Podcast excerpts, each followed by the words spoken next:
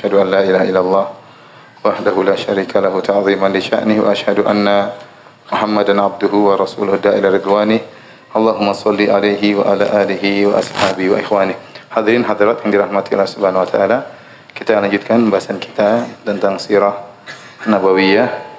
E, kemarin telah kita pembahasan terakhir telah selesai dari kisah Al-Isra wal Mi'raj di mana Nabi SAW naik ke langit yang tujuh sampai ke Sidratul Muntaha kemudian Nabi SAW pun melihat surga dan akhirnya Nabi SAW bertemu dengan Allah Subhanahu wa taala dan di situlah Nabi diwajibkan salat lima waktu.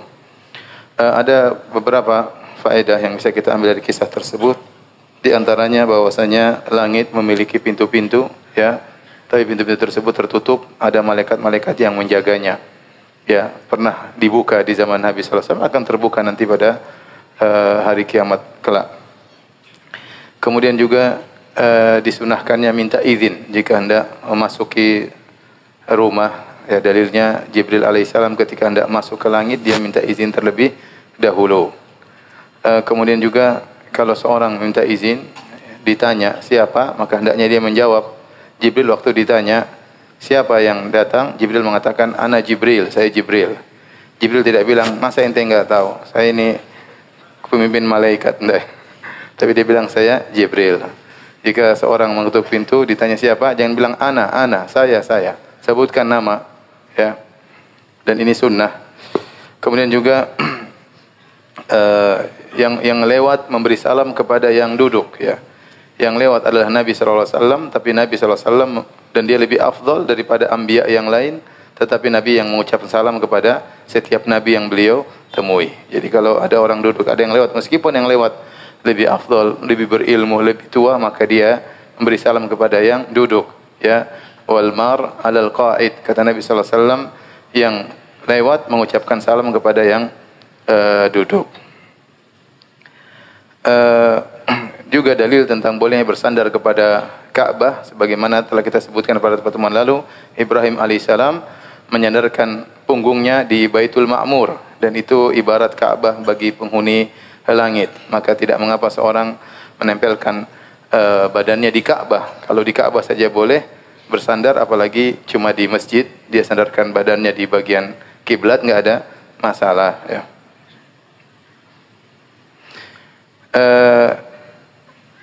ini juga dalil bahwasanya surga dan neraka sudah ada ya. Oleh karenanya Nabi SAW melihat surga. Kata Allah Subhanahu wa taala, uh, fi sidratil muntaha indaha jannatul ma'wa. Di sisi sidratul muntaha ada al-jannah, ada surga. Jadi surga sekarang sudah ada. Di antara dalil surga ada banyak. Di antaranya Allah menciptakan surga dan neraka, lalu Allah manggil Jibril untuk melihat surga dan neraka. Kemudian di antara dalil surga dan neraka ada ini tadi kisah Isra Mi'raj. Nabi SAW naik ke Sidratul Muntaha kata Allah indaha jannatul ma'wa.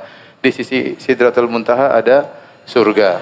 Dan pendapat yang benar bahwasanya surga yang akan didatangi oleh kaum mukminin di kemudian hari itulah surga yang pernah ditempati oleh Nabi Adam alaihi salam. Jadi surga sudah ada sejak zaman Nabi Adam alaihi salam. Hanya saja kata para ulama mengalami pengembangan, Allah tambah lagi mungkin perluasan, Allah tambah lagi berbagai macam kenikmatan yang ada di surga yang akan dimasuki oleh kaum uh, mukminin. Uh, hadirin dan hadirat yang Allah Subhanahu wa taala tadi beberapa faedah-faedah yang disebut oleh Ibnu Hajar dalam Fathul Bari tentang kisah Isra dan Mi'raj. Uh, pertama kali diwajibkan salat adalah salat lima waktu tetapi solatnya dua rakaat dua rakaat. Kecuali solat maghrib. Kecuali solat maghrib. Jadi pertama kali diwajibkan bagi Nabi solat subuh dua rakaat solat duhur dua rakaat kemudian solat uh, asar dua rakaat solat maghrib tiga rakaat solat isya uh, dua rakaat. Dan ketika diwajibkan solat lima waktu Jibril pun datang mengajarkan kepada Nabi kapan waktu-waktu solat. Dan yang pertama kali Jibril turun untuk mengajarkan waktu salat zuhur. Waktu salat zuhur. Al-Imam Ahmad meriwayatkan dengan sanad yang sahih dari Jabir bin Abdullah anna Nabi sallallahu alaihi wasallam ja'ahu Jibril faqala kum fasalli. Jadi Nabi pulang pagi hari di waktu subuh, ya siangnya langsung Jibril datang ngajarin waktu sholat. Ya, maka Jibril datang ketika waktu zuhur.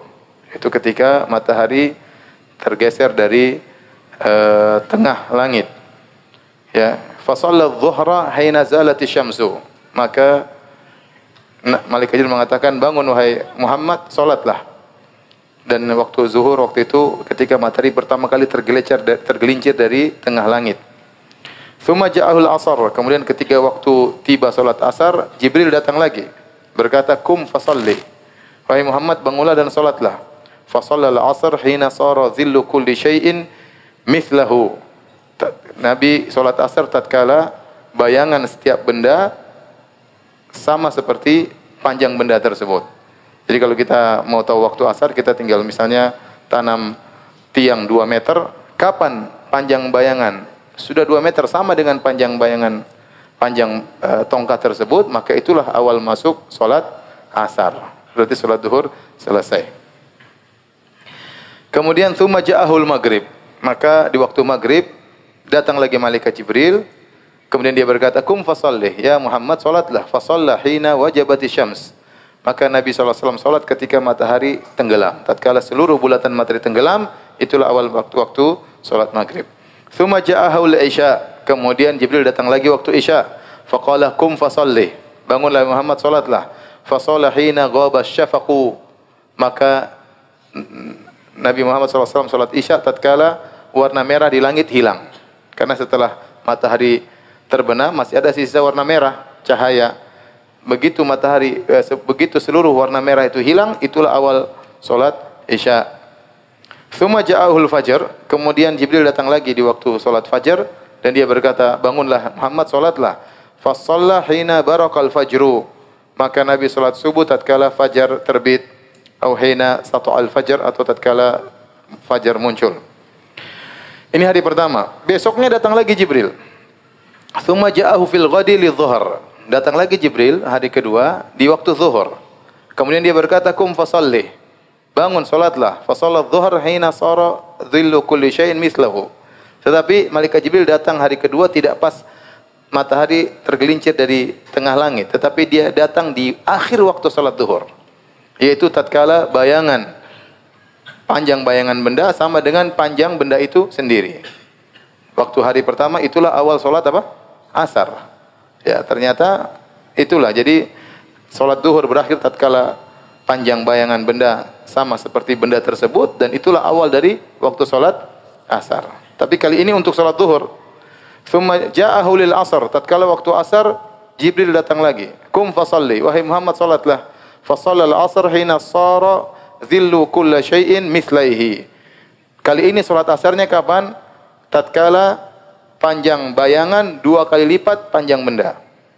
Jadi tatkala kalau benda 2 meter, tunggu bayangannya sampai bayangannya 4 meter, baru Jibril bilang, wahai Muhammad, solatlah asar. Kalau hari pertama tadi, tatkala panjangnya sama. Di hari kedua, panjangnya dua kali lipat. Thumma ja'ahu lil maghrib waktan wahidan. Kemudian malaikat Jibril datang di waktu salat maghrib, di waktu yang sama, tatkala matahari tenggelam. Thumma ja'ahu lil isya hina dhahaba nisful lail. Kemudian datang lagi untuk salat isya tatkala lewat tengah malam. Bagaimana kita mengetahui tengah malam? Kita hitung waktu terbenam matahari dengan terbit fajar yaitu waktu azan maghrib sampai waktu azan subuh kita bagi dua itulah tengah tengah malam. Coba sekarang azan maghrib jam berapa? 6.15. Azan subuh 4.40 lah, 4.40. Berapa jam itu? Hitung aja sendiri. Terus antum bagi dua. Anda ingin tahu tengah malam jam berapa? Tolong hitung, nanti ada yang hitung ya, kasih tahu saya. Jam berapa? Jam 10 kurang lebih. Jam berapa? Jam 12 enggak, enggak sampai. Jam 11-an. 11-an kurang lebih. Jam 11-an kurang lebih. Thumma ja'ahu lil fajar hina asfara jiddan. Kemudian Jibril datang di waktu subuh hina asfara jiddan tatkala matahari mau terbenam, yaitu langit sudah sangat kuning. Berarti eh, matahari mau terbit. Matahari mau apa? Terbit. Jadi sudah di ujung matahari sebentar lagi terbit, sudah sangat menguning. Kum fasalli. Wahai Muhammad bangun dan salatlah. Thumma qala ma baina hadaini waqtun. Kata Jibril, antara dua waktu ini, hari pertama, hari kedua, itulah batasan waktu sholat. Itulah batasan waktu sholat. Oleh karenanya kita tahu ternyata sholat zuhur itu dimulai dari hari pertama, matahari tatkala terkincir di tengah langit, sampai panjang bayangan benda, sama dengan panjang benda tersebut. Waktu asar dimulai dari panjang bayangan benda sama dengan benda tersebut, sampai dua kali apa? Dua kali panjang benda tersebut. Dua kali panjang benda tersebut sebelum sebelum azan maghrib tentunya. Ya, sebelum azan maghrib. Waktu maghrib ternyata tidak berubah. Sama, waktunya sangat singkat. Ya, ini hadis-hadis berikutnya, hadis Abdullah bin Amr bin Al-As berubah. Kata Nabi SAW, wal maghrib malam yaghibis syafaqu. Dan maghrib boleh dikerjakan sebelum selama warna merah di langit masih ada. Maka berubah setelah itu waktu maghrib dimulai dari terbenam matahari sampai menjelang waktu sholat isya. Selama di langit masih ada warna merah, boleh sholat maghrib. Kapan boleh sholat isya? Waktu sholat isya. Ya. Kemudian waktu isya dimulai dari mata, mata warna merah hilang dari langit, diakhiri tengah malam. Sekitar jam 11 ya. Salat subuh dimulai dari terbit fajar sampai sebelum matahari apa? Terbit. Tadi waktu sangat menguning. Itulah waktu salat tidak boleh kita melewatinya. Dari sini kita tahu bahwasanya waktu salat asar itu ya adalah sampai panjangan bayangan dua kali lipat panjang benda. Bukan sampai terbenam matahari. Kata para ulama, waktu asar bisa dibagi menjadi dua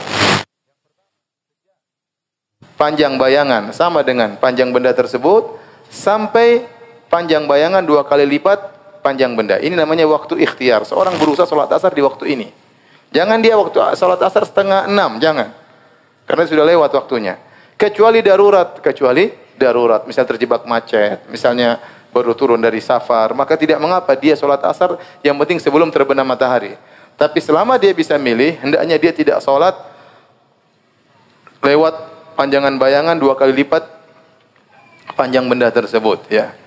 Karena itu waktu solatnya orang-orang munafik. Kata Nabi SAW, tilka solatul munafik. Itulah solatnya orang munafik. Dia nunggu matahari terbenam, begitu matahari terbenam, langsung dia semangat bangun, solat dengan cepat-cepat, keburu matahari apa? Terbenam. Tadinya malas ngobrol, cerita ngobrol, eh sudah mau terbenam, eh, eh, eh kalau selesai. Itu kata Nabi solatnya orang munafik. Jadi tidak boleh seorang menunda waktu solat asar sampai setengah enam, enam kurang seperempat, jangan kecuali darurat. Nah demikian juga waktu solat isya ada khilaf di kalangan ulama. Waktu solat isya kapan berakhir? Tentunya waktu yang terbaik adalah sebelum tengah malam. Seorang berusaha untuk tidak sengaja menunda solat isya melewati tengah malam. Jadi jangan sengaja solat isya jam satu, terutama ibu-ibu ya. Jangan menunda sampai jam 1, paling banter jam 11-an. Itu paling banter.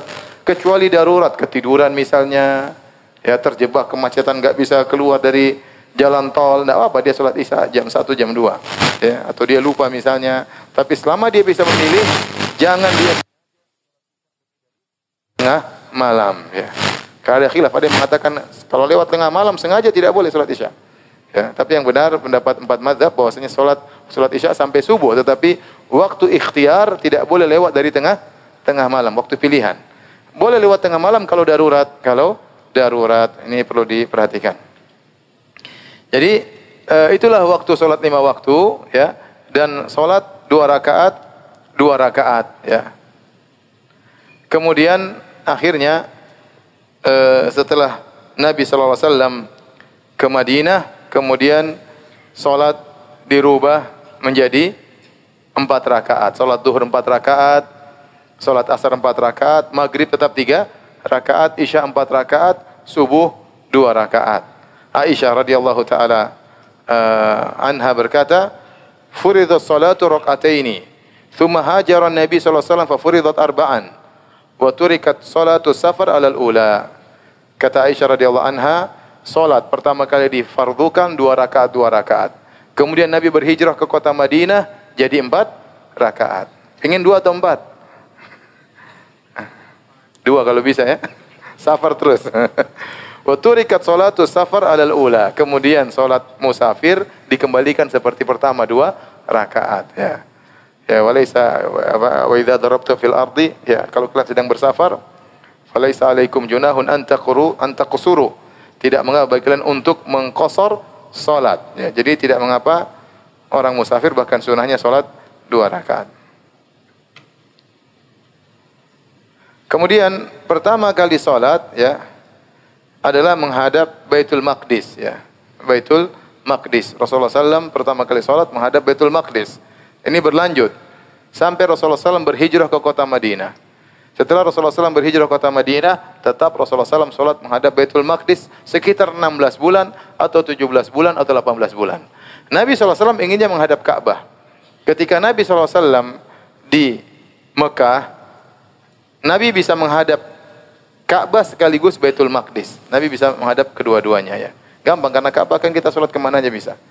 Jadi kalau kita menghadap menghadap Ka'bah sekaligus Baitul Maqdis, kita sholatnya di daerah antara rukun Yamani sama Hajar Aswad. Ah, sholat situ. Nah, kita akan menghadap ke utara, ke negeri Syam, rukun Syamiyain. Dan itu kita akan menghadap ke Baitul Maqdis. Dan Nabi senang sholatnya di situ. Karena Nabi serang senang sholat menghadap Ka'bah. Ya, untuk bisa menghadap Ka'bah sekaligus menghadap Baitul Maqdis, maka salatnya di sekitar Hajar Aswad. Ya. Tetapi tatkala Nabi pindah ke kota Madinah, maka itu tidak bisa dilakukan lagi, ya. Karena Baitul Maqdis di utara, kemudian Madinah, kemudian Mekah. Maka Nabi di selatan, Mekah di selatan. Maka Nabi nggak bisa menggabungkan antara utara dengan selatan. Maka Nabi akhirnya menghadap ke Baitul Maqdis, membelakangi apa? Ka'bah dan itu dilakukan selama 16 atau 17 bulan atau 18 bulan. Namun Nabi rindu untuk menghadap ke Ka'bah. Nabi sering mengadahkan wajahnya ke langit dalam hatinya ingin agar Allah merubah kiblat. Kata Allah, "Qad nara taqalluba wajhika fis sama, falanuwalliyannaka qiblatan tardaha." Fawalli wajhaka syatral Masjidil Haram. Sungguh kami telah melihat wajahmu bolak-balik lihat ke langit ya Rasulullah. Kami akan pindahkan kiblat ke arah yang kau ridha, yang kau sukai. Fawalli wajhaka syatral Masjidil Haram. Maka rubahlah arahkanlah wajahmu ke arah Masjidil Haram. Maka Nabi pun menghadap ke arah Ka'bah. Dan itu terjadi waktu Rasulullah SAW sedang pergi ke kampung Bani Salimah. Nabi mengunjungi seseorang yang sedang sakit. Kemudian Rasulullah SAW sholat duhur di masjid yang dikenal sekarang dengan Masjid Kiblatain. Masjid Al-Kiblatain. Waktu Nabi sholat duhur, dua rakaat Nabi menghadap Baitul Maqdis. Rakaat ketiga turun ayat. Maka Nabi langsung balik menghadap ke Ka'bah, putar 180 derajat ya. Bagaimana cara mereka putar? Enggak usah kepo, udah pokoknya putar. Tidak dijelaskan. Tidak dijelaskan dalam hadis, ente enggak usah nanya. Kemudian Nabi pergi ke Masjid Nabawi, sholat asar langsung menghadap ke, itu zuhur terjadinya. Waktu Nabi sholat asar di Masjid Nabawi langsung menghadap ke Ka'bah. Nah kabar sampai kepada penduduk Kuba tatkala subuh. Mereka sedang sholat subuh, wahum ruku, mereka sedang ruku. Tiba-tiba ada orang datang mengatakan, ala innal kiblat qad huwilat. Ketahuilah bosnya kiblat telah dirubah. Bayangkan mereka sedang ruku, langsung mereka rubah. Enggak usah kepo ya. Pokoknya terjadi. Alhamdulillah tidak bilang tatkala sedang sujud. Kalaupun sujud mereka akan pindah. Kita enggak, enggak usah turun santai bagaimana tahu ya. Mungkin kalau kita mungkin heboh kali. Wah, masa baru. Para sahabat dengar ada ada yang menyampaikan Nabi telah turun kepadanya ayat dan menyuruh agar kiblat dirubah. Sahabat yang sedang ruku tidak tunda-tunda langsung mereka rubah kiblat tatkala mereka sedang ruku radhiyallahu taala anhum ajmain. Taib hadirin dan hadirat yang dirahmati Allah Subhanahu wa taala, kita masih lanjutkan bahasan kita. Uh, kemudian di antara mukjizat yang terjadi tatkala di Mekah terjadinya insyiqaqul qamar, terbelahnya rembulan ya. Jadi ini sampai Allah turunkan ayatnya dalam surat Al-Qamar, iqtarabatis sa'atu wan syaqqal qamar wa iyyaraw ayatan. Ya. Mau ya apa kalau mereka tatkala tiba hari kiamat dekat hari kiamat iqtarabatis sa'ah wan syaqqal qamar dan terbelahlah rembulan kata Allah Subhanahu wa taala. Uh, adapun itu terjadinya tatkala Nabi masih di di Mekah ya. Dan hadis-hadis yang menceritakan tentang terbelahnya rembulan, hadis-hadisnya mutawatir.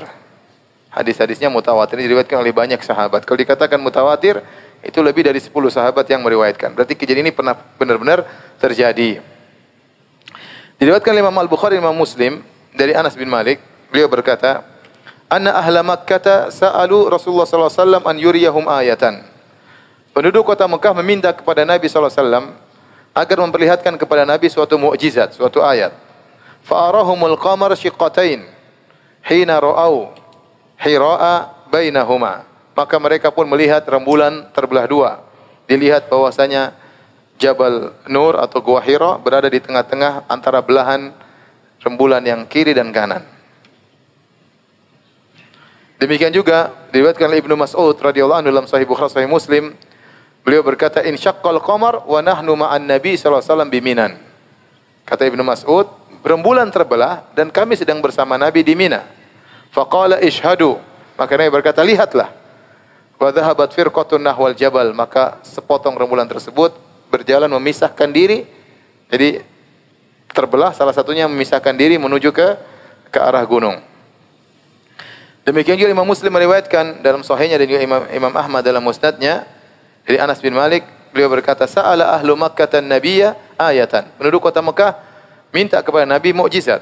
Fansyaqqal qamaru bi Makkah marratain maka terbelahlah rembulan di Mekah dua kali. Faqala firman Allah pun turun, iktarabatis sa'atu wan syaqqal qamar.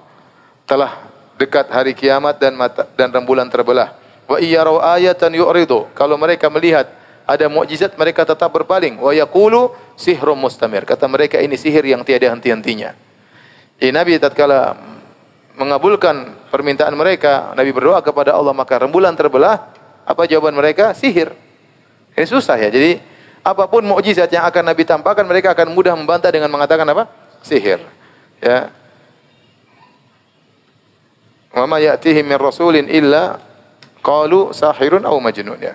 Tidak ada seorang rasul pun yang datang kecuali pengikutnya akan berkata penyihir atau orang gila. Dan demikianlah yang dialami oleh para rasul. Apa pun yang mereka lakukan dikatakan sebagai sihir. Contoh Nabi Musa alaihissalam waktu berduel melawan para penyihir Firaun sudah kalah terang-terangan sampai para penyihir kemudian beriman kepada Allah sujud apa kata Firaun ya bahwasanya ini had in had apa kabirukum alladhi allamakum sihir ini Musa adalah guru kalian ya. kalian sudah sepakat ya. Musa ini ini sahirun alim ini penyihir yang hebat pokoknya disifati penyihir selesai sehingga tidak ada mukjizat Nabi Saleh tatkala berdoa agar keluar onta dari batu, tiba-tiba batu terbelah keluar onta. Sebagaimana permintaan mereka, mereka ingin onta yang besar, yang putih, bunting sembilan bulan, ya. Keluar dari batu, Nabi Soleh berdoa, keluar onta tersebut. Padahal mereka maksudnya minta permintaan yang tidak mungkin ya. Karena bagaimana bisa onta keluar dari batu, tidak ada kehidupan. Kalau onta keluar dari hutan ya mungkin. Ada onta kesasar ke hutan. Atau onta keluar dari laut ya mungkin ya. Ada onta tenggelam keluar lagi mungkin. Tapi kalau keluar dari batu atau, batunya pecah keluar onta mustahil. Mereka ingin membuat Nabi Soleh tidak bisa melawan. Ternyata keluar. Begitu keluar penyihir selesai. Nabi SAW mereka minta mukjizat. Nabi berdoa kemudian terbelah rembulan kata mereka juga sihir. Bahkan mereka mengatakan yu'ridu wa yaqulu sihrum mustamir. Mereka berpaling dan mereka berkata ini sihir yang tiada henti-hentinya. Jadi Muhammad ini hebat. Sihir ini ganti lagi sihir lain, ganti lagi sihir lain. Semua mujizat dikatakan apa? Sihir. Tatkala ter, terbelah rembulan di zaman Nabi SAW, qalat Quraisyun, Quraisy berkata, "Hadza sihru ibni Abi Kabsyah." Ini sihirnya Muhammad. Mereka menjuluki Muhammad dengan Ibnu Abi Kabsyah. Ya. Wa qalu unzuru intaziru ma ya'tikum bihi suffar. Tunggu dulu. Kita tunggu mereka lihat bulan bulan terbelah. Kita tunggu para musafir. Mungkin kita kesihir, mungkin orang yang sedang bersafar tidak kesihir. Ya. Fa inna Muhammadan la yasaitu an yasnasu kullahum. Enggak enggak mungkin Muhammad sihir manusia seluruhnya. Kita aja paling Quraisy yang tersihir. Kita tunggu orang datang dari luar. Begitu mereka datang ditanya, "Apa benar rembulan terbelah?" Mereka, "Iya, kita lihat juga rembulan terbelah." Tapi mereka tidak pernah beriman kepada itu semua ya. Hadirin hadirat yang dirahmati Allah Subhanahu wa taala. Ini mukjizat pernah terjadi. Al-Qur'an menyebutkan iktarabati sa'atu wan syaqqal qamar bahwasanya rembulan pernah terbelah wan syaqqa Nabi Allah menggunakan fi'il madhi telah terbelah rembulan pernah terjadi dan hadis-hadis mutawatir kita beriman Meskipun orang bilang nggak ada buktinya, kita nggak perlu nggak ada yang lihat mungkin zaman dulu kalau ada mungkin aja sejarah kita bilang pokoknya terjadi. Mau orang dulu diturunkan oleh Allah, mungkin orang Eropa nggak lihat, ya terjadi juga cuma sebentar, tidak lama dan tidak semua orang perhatikan rembulan, ya. Dan kalaupun mungkin dilihat atau mungkin sebagian kaum tidak melihat, sebagian kaum melihat itu urusan Allah Subhanahu wa taala ya. Yang jelas pernah terjadi di zaman Nabi sallallahu alaihi wasallam. Adapun ada yang mengatakan dilihat ada bekas belahan di rembulan menurut foto apa macam antariksa dan macamnya. Ada enggak ada enggak ada masalah ya. Tetap kita beriman bahwasanya rembulan pernah apa? Terbelah. Tapi hadirin dan hadirat yang hati Subhanahu wa taala, pembahasan berikutnya tentang bagaimana Nabi wasallam menawarkan dirinya atau dia mendatangi para kabilah-kabilah untuk beliau dakwahi. Dan Nabi SAW ya, mengambil kesempatan untuk berdakwah kepada kabilah-kabilah tatkala musim haji. Karena tatkala musim haji, orang dari berbagai penjuru datang dan mereka berhaji dan mereka musyrikun ya. Mereka berhaji ya. Mereka musyrik tapi mereka berhaji. Ini suatu perkara yang ma'ruf kalau kita baca dalam buku-buku sirah Nabi. Ya karena orang musyrikin Arab mereka mengenal Allah dan mereka mengagungkan Allah. Hanya saja mereka berbuat kesyirikan. Oleh karena mereka mengagungkan Ka'bah, terutama orang-orang Quraisy. Karena semua orang Quraisy adalah keturunan Nabi Ismail bin Ibrahim. Dan yang bangun Ka'bah adalah Ismail dan bapaknya Ibrahim alaihi wassalam. Kemudian mereka yang menyebarkan ajaran tauhid kemudian tercampur dengan kesyirikan tetapi pengagungan terhadap Ka'bah masih terus ada. Oleh karena orang musyrikin meskipun mereka musyrik mereka berhaji tiap tahun. Dan mereka di Mina, mereka di Arafah, ya, mereka juga di Muzdalifah, mereka melakukan ya ibadah haji, ritual ibadah haji. Ini sisa warisan ajaran Nabi Ibrahim yang masih tersisa, hanya saja mereka campur-campur dengan berbagai macam bid'ah dan kesyirikan. Maka tatkala tiba musim haji, Nabi bersiap-siap untuk mendakwahi orang-orang musyrikin yang sedang berhaji. Dan itu uh, dimulai oleh Nabi sallallahu alaihi wasallam sejak tahun 10 kenabian. Ya, maka Nabi sallallahu alaihi wasallam mengambil kesempatan untuk mendakwahi mereka. Sebelumnya Nabi SAW ya uh, berdakwah cuma di eh, rumah-rumah mereka di pasar-pasar seperti di pasar Ukad Rasulullah SAW datang ke toko-toko mereka istilahnya ke apa namanya tempat jualan mereka Nabi mendakwahi mereka ya. Dan demikian juga tatkala musim haji mulailah Nabi mendatangi mereka di Mina ya.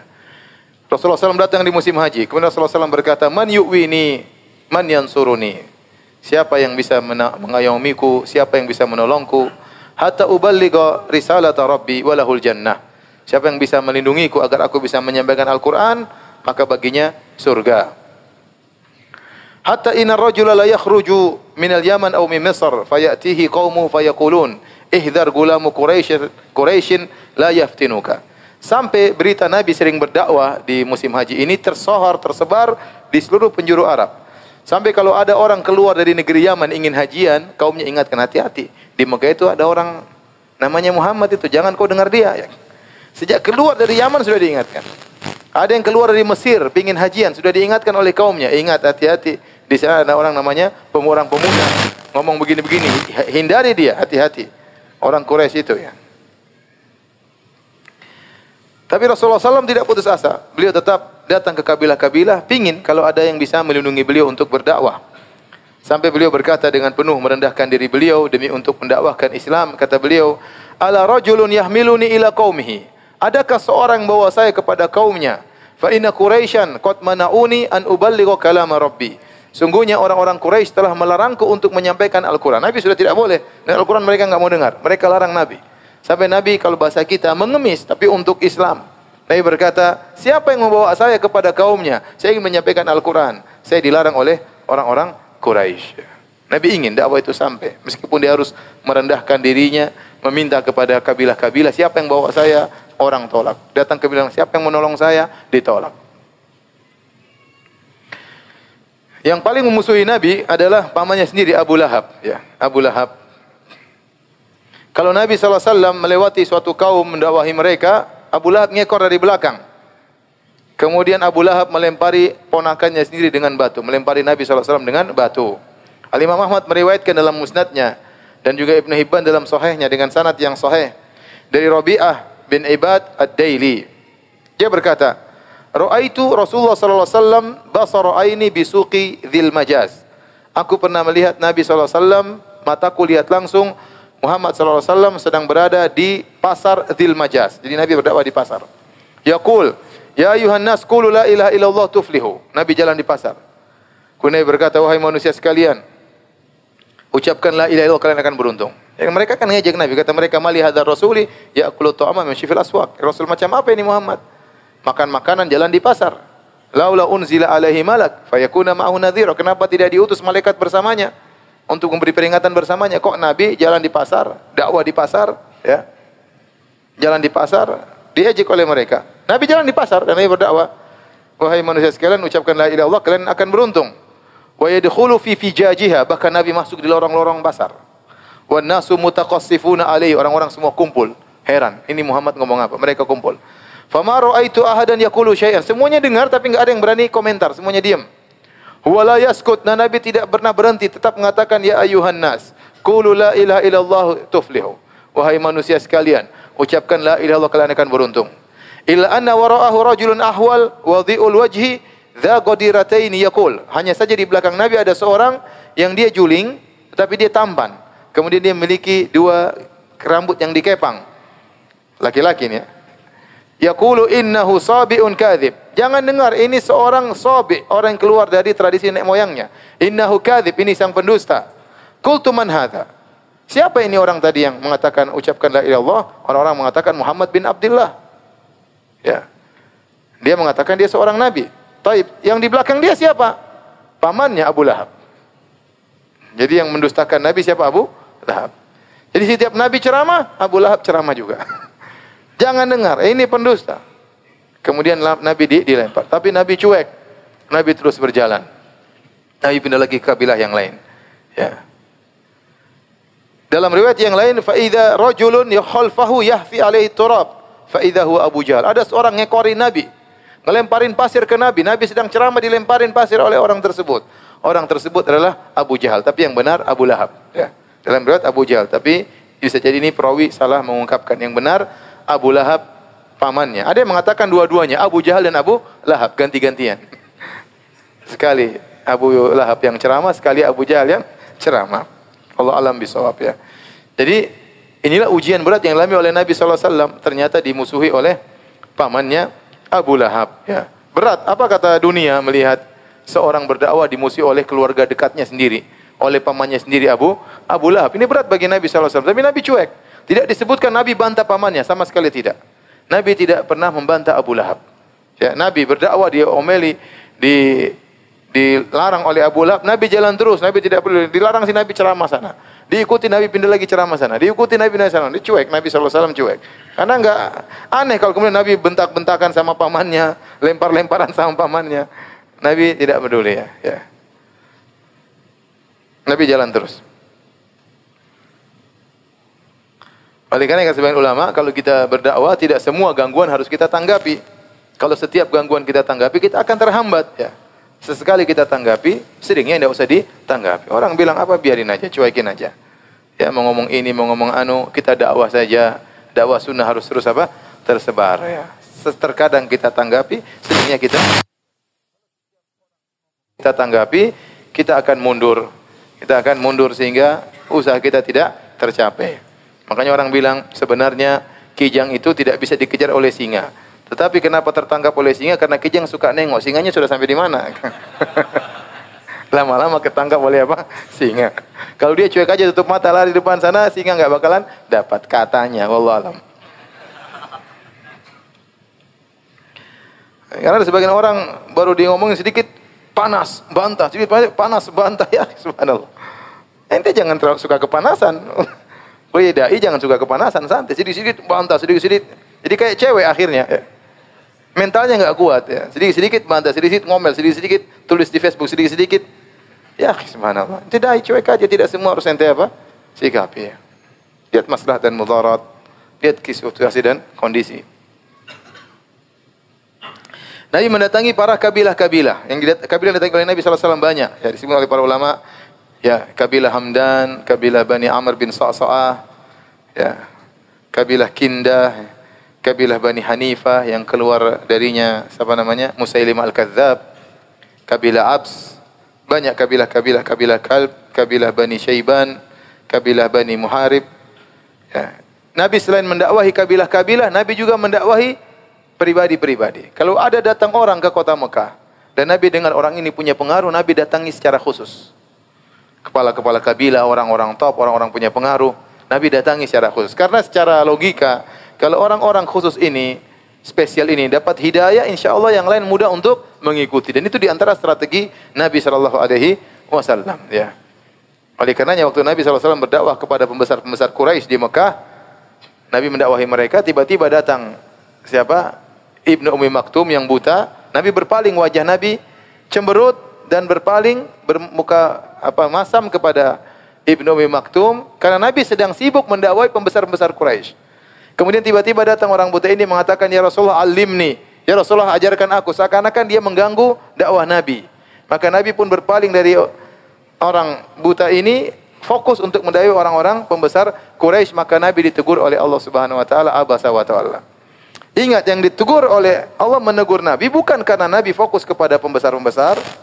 Itu sudah benar. Ini strategi dakwah Nabi waktu Nabi ke Taif juga Nabi mendakwai mendatangi pertama kali pembesar-pembesar Taif. Ini strategi yang benar. Cuma tatkala Nabi berpaling dari orang yang sudah datang demi fokus kepada orang kafir yang belum tentu beriman, di situ Allah tegur Nabi sallallahu alaihi wasallam. Adapun strategi kita mendatangi orang besar, orang-orang berpengaruh, itu strategi yang baik. Itu strategi Nabi sallallahu alaihi wasallam. Namun bukan berarti akhirnya kita cuekin orang-orang yang uh, rakyat jelata misalnya. Itu yang salah. Dua-duanya kita perhatikan, tetapi pembesar-pembesar itu perlu diperhatikan secara khusus dan itulah Nabi lakukan sejak awal dakwah beliau alaihi salatu wasalam. Di antara orang yang datangi oleh Nabi SAW adalah Suwaid ibnu Samit. Suwaid ibnu Samit, dia adalah seorang penyair dari kota Madinah, dari Bani Amr bin Auf. Ya. Orang-orang menamakannya Al-Kamil, lelaki yang sempurna. Kenapa? Orangnya hebat, orangnya kuat, dan orangnya mulia. Tubuhnya kuat, orangnya hebat, nasabnya tinggi. Ya. Orangnya mulia, maka disebut oleh kaumnya dengan Al-Kamil. Itu artinya orang yang sempurna. Begitu dia datang ke kota Mekah haji atau umrah, Nabi dengar dia, oh ini si fulan harus didatangi. Ya, maka Rasulullah SAW pun datang menuju Suwaid ibn Samit, kemudian Nabi mengajak dia untuk masuk Islam. Maka Suwaid berkata, "Fala 'ala ma'aka mithla alladhi ma'i." Kata Suwaid, bisa jadi apa yang kau bawa seperti yang apa aku, aku miliki. Faqala Rasulullah SAW, "Mal ladhi ma'aka?" Apa yang kau bawa? Maka dia dia membawakan perkataan-perkataan Luqman. Mungkin Luqman Al-Hakim ya. Faqala Rasulullah alaihi wasallam, alayya." Coba bacakan kepadaku, maka dia pun bacakan kepada Nabi sallallahu alaihi wasallam. Kata Rasulullah sallallahu "Inna hadza lakalamun hasan." Sungguhnya yang kau bawa itu bagus. Nasihat-nasihat bijak Luqman Al-Hakim. Walladhi ma'i afdalu min hadza. Yang aku bawa lebih afdal daripada ini. Qur'anun anzalahu Allah taala alayya. Quran yang Allah turunkan kepadaku. Wa huwa hudan wa nur. Dia adalah petunjuk dan cahaya. Maka Nabi pun baca anak Quran kepada Suwaid bin Samit. Kemudian uh, Nabi menyuruh dia untuk masuk Islam. Namun dia tidak langsung terima. Dia berkata, Inna hadha la qawlun hasan. Sungguh apa yang kau bacakan ini perkataan yang sangat indah. Kemudian dia pun pergi. Tatkala dia pulang balik ke kota Madinah, Tiba-tiba terjadi pertempuran dan dia dibunuh oleh suku Al-Khazraj. Perang saudara. Dan teman-temannya dari kabilahnya berkata, "Inna narahu qad qutil wa huwa muslim." Kami melihatnya waktu dia terbunuh di Madinah, sepertinya dia sudah muslim. Jadi waktu dia di depan Nabi dia tidak terima, tapi pulang dia mikir, mungkin dia masuk Islam belakangan. Sehingga waktu dia dibunuh, kata kaumnya dia meninggal dalam kondisi apa? Muslim. Oleh karenanya Islamnya Suaid bin Samit ini diragukan apakah dia termasuk sahabat atau tidak. Karena dia tidak menyatakan Islamnya di depan Nabi SAW. Tetapi kaumnya mengatakan, kami melihatnya terbunuh, menurut kami dia meninggal dalam kondisi apa? Muslim. Ini dalil bahwasanya kita kalau menyampaikan, sampaikan saja. Bisa jadi orang tersebut tidak terima di hadapan kita, mungkin dia pulang mikir-mikir nanti. Ente kasih syubhat aja. Nah. Dianggap syubhat sama dia, tapi sampaikan aja. Sampaikan. Ya enggak benar, sampaikan aja. Ini itu banyak terjadi. Saya ketemu kawan-kawan saya, mereka kenal sunnah, ngeyel di depan, ngeyel di depan, nanti belakang mereka mikir, akhirnya mereka diam-diam cari-cari tahu, dengan akhirnya mereka kenal apa? Sunnah. Tidak apa-apa. Yang penting antum sampaikan. Antum sampaikan ya. Hidayah di tangan Allah Subhanahu wa taala. Kemudian di antara yang didakwai oleh Nabi secara pribadi namanya Zimat bin Sa'labah. Zimat bin Sa'labah al-Asdi ya. Uh, dia karena yarqi min hadhihi rih. Dia suka meruqyah. Kalau ada orang terkena penyakit gila maka dia pun ruqyah. Maka dia pun datang ke kota Mekah dalam kondisi berumrah. Maka dia pun duduk di majelisnya Abu Jahal. Abu Jahal punya majelisnya. Majelisnya di mana? Di Masjidil Haram ya, di pelataran Masjidil Haram. Ada Abu Jahal, ada Utbah bin Rabi'ah, ada Umayyah bin Khalaf yang menyiksa Bilal. Abu Jahal berkata, "Hadza ar-rajul alladhi farraqa jama'atana wa safa ahlamana." Ini Muhammad ini orang telah memisah-misahkan, mencerai-beraikan jamaah kita. Ya, membodoh-bodohi orang-orang yang bijak di antara kita. Wa adalla man mata minna, yang sudah meninggal di antara kita dibilang sesat sama dia. Wa aba alihatana kerjanya mencaci maki Tuhan-Tuhan kita. Kemudian Umayyah komentar yang menyiksa Bilal, Ar-rajul majnun ghairu syakkin. Itu orang gila, enggak kita ragukan lagi. Muhammad itu apa? Gila. Kata Dhimat, perkataan Umayyah bin Khalaf, Muhammad gila ini masuk di hatiku. Kasihan dia gila. Fakultu law anni ra'aitu hadha rajul la'ala Allah yasfiyahu ala yadayya. Semoga saya ketemu dengan laki-laki ini. Saya mau sembuhin dia. Kasihan dia gila. Bayangkan. Gara-gara Umayyah bin Khalaf bilang apa? Muhammad apa? Gila. Ini gila, enggak ragu lagi. Ini, ini gila. Kata dia, "Fa katil gal kalimah fi nafsi." Masuk ke hatiku. Mudah-mudahan saya bisa ketemu dia. Kata dia, bayangkan. Kata dia, "Laula anni ra'aitu hadzal rajul," kalau saya ketemu lelaki ini, la Allah, semoga Allah menyembuhkannya lewat tanganku. Niatnya baik. Dia bukan mau cari hidayah. Cuma dia punya niat baik ingin menyembuhkan siapa? Rasulullah sallallahu alaihi wasallam. Falakiyahu. Akhirnya ketemu Rasulullah. Dia berkata, "Ya Muhammad, ini arki min hadhihi rih." Wahai Muhammad, saya ini tukang ruqyah bisa menyembuhkan orang gila. Wa inna Allah yashfi ala yadayya man syaa, fahallaka. Dan Allah telah menyembuhkan orang melalui saya yang Allah kehendaki. Maukah engkau saya obati? Subhanallah. Ya, ya bagaimana nanti bayangkan nanti lagi duduk ada orang datang. Ustaz, saya dengar Ustaz gila. Gimana dengarnya gitu? Mau Ustaz saya rukyah? Astagfirullah. Kamu yang saya rukyah tahu enggak? Ini kenyataan. Jadi Nabi dibilang begitu. Halaka maukah kamu saya obati? Rasulullah SAW tidak marah. Tidak mengatakan, ya akhi. Siapa yang gila ya? Rasulullah tidak marah. Rasulullah tidak marah sama sekali. Rasulullah SAW kemudian berkata, Innal hamdalillah nahmaduhu wa nasta'inuhu. May yahdihillahu wa yudlil. Sungguhnya segala puji adalah milik Allah. Kita memujinya dan kita mohon pertolongan kepada Allah. Barang siapa diberi petunjuk oleh Allah maka tidak ada yang bisa menyesatkannya. Dan barang siapa disesatkan tidak ada yang bisa beri hidayah kepadanya. Wa asyhadu an la ilaha illallah wahdahu la syarikalah. Aku bersaksi tidak ada sembahan yang berhak disembah kecuali Allah. Tidak ada sekutu baginya. Wa anna Muhammadan abduhu wa rasuluhu. Dan Muhammadlah hambanya dan rasulnya amma ba'du. Zimat kaget. Ini orang gila bisa ceramah kayak gini. Kata Dhimat bin Sa'labah, niatnya baik dia semana orang kalau niat baik Allah kasih jalan. Dia tidak niat cari hidayah, dia cuma mau ketemu Nabi ingin menyembuhkan siapa? Nabi. Karena niat baik Allah kasih jalan. Allah Maha tahu isi hati kita semuanya. Kemudian kata Dhimat bin Sa bin Sa'labah Lasdi, "Ait alayya kalimatika haula." Wahai Muhammad, ulangi lagi tadi ceramahmu. Rasulullah SAW ulangi lagi, "Innal hamdalillah nahmaduhu wa nasta'inuhu." may yahdihillahu fala mudhillalah wa may yudlil fala hadiyalah. Asyhadu an la ilaha illallah dahu la syarikalah wa asyhadu anna Muhammadan abduhu wa rasuluhu amma ba'du. Kata dia ulangi lagi wahai Muhammad. Sampai tiga kali Rasulullah SAW ulangi. Kemudian dia berkata, laqad sami'tu qaulal kahana. Sungguh aku telah mendengar perkataan para dukun. Wa qaulas sahara. Aku telah mendengar komat kambitnya para penyihir. Wa qala syu'ara dan aku sudah mendengar perkataan para penyair. Fama sami'tu mithla kalimatika haula. Aku tidak pernah mendengar perkataan mereka seperti perkataan wahai Muhammad. Kata dia hati yadaka ubayyika alal Islam. Mana tanganmu? Aku masuk Islam. Subhanallah. Masuk Islam gara-gara dikira Muhammad gila. Subhanallah ya.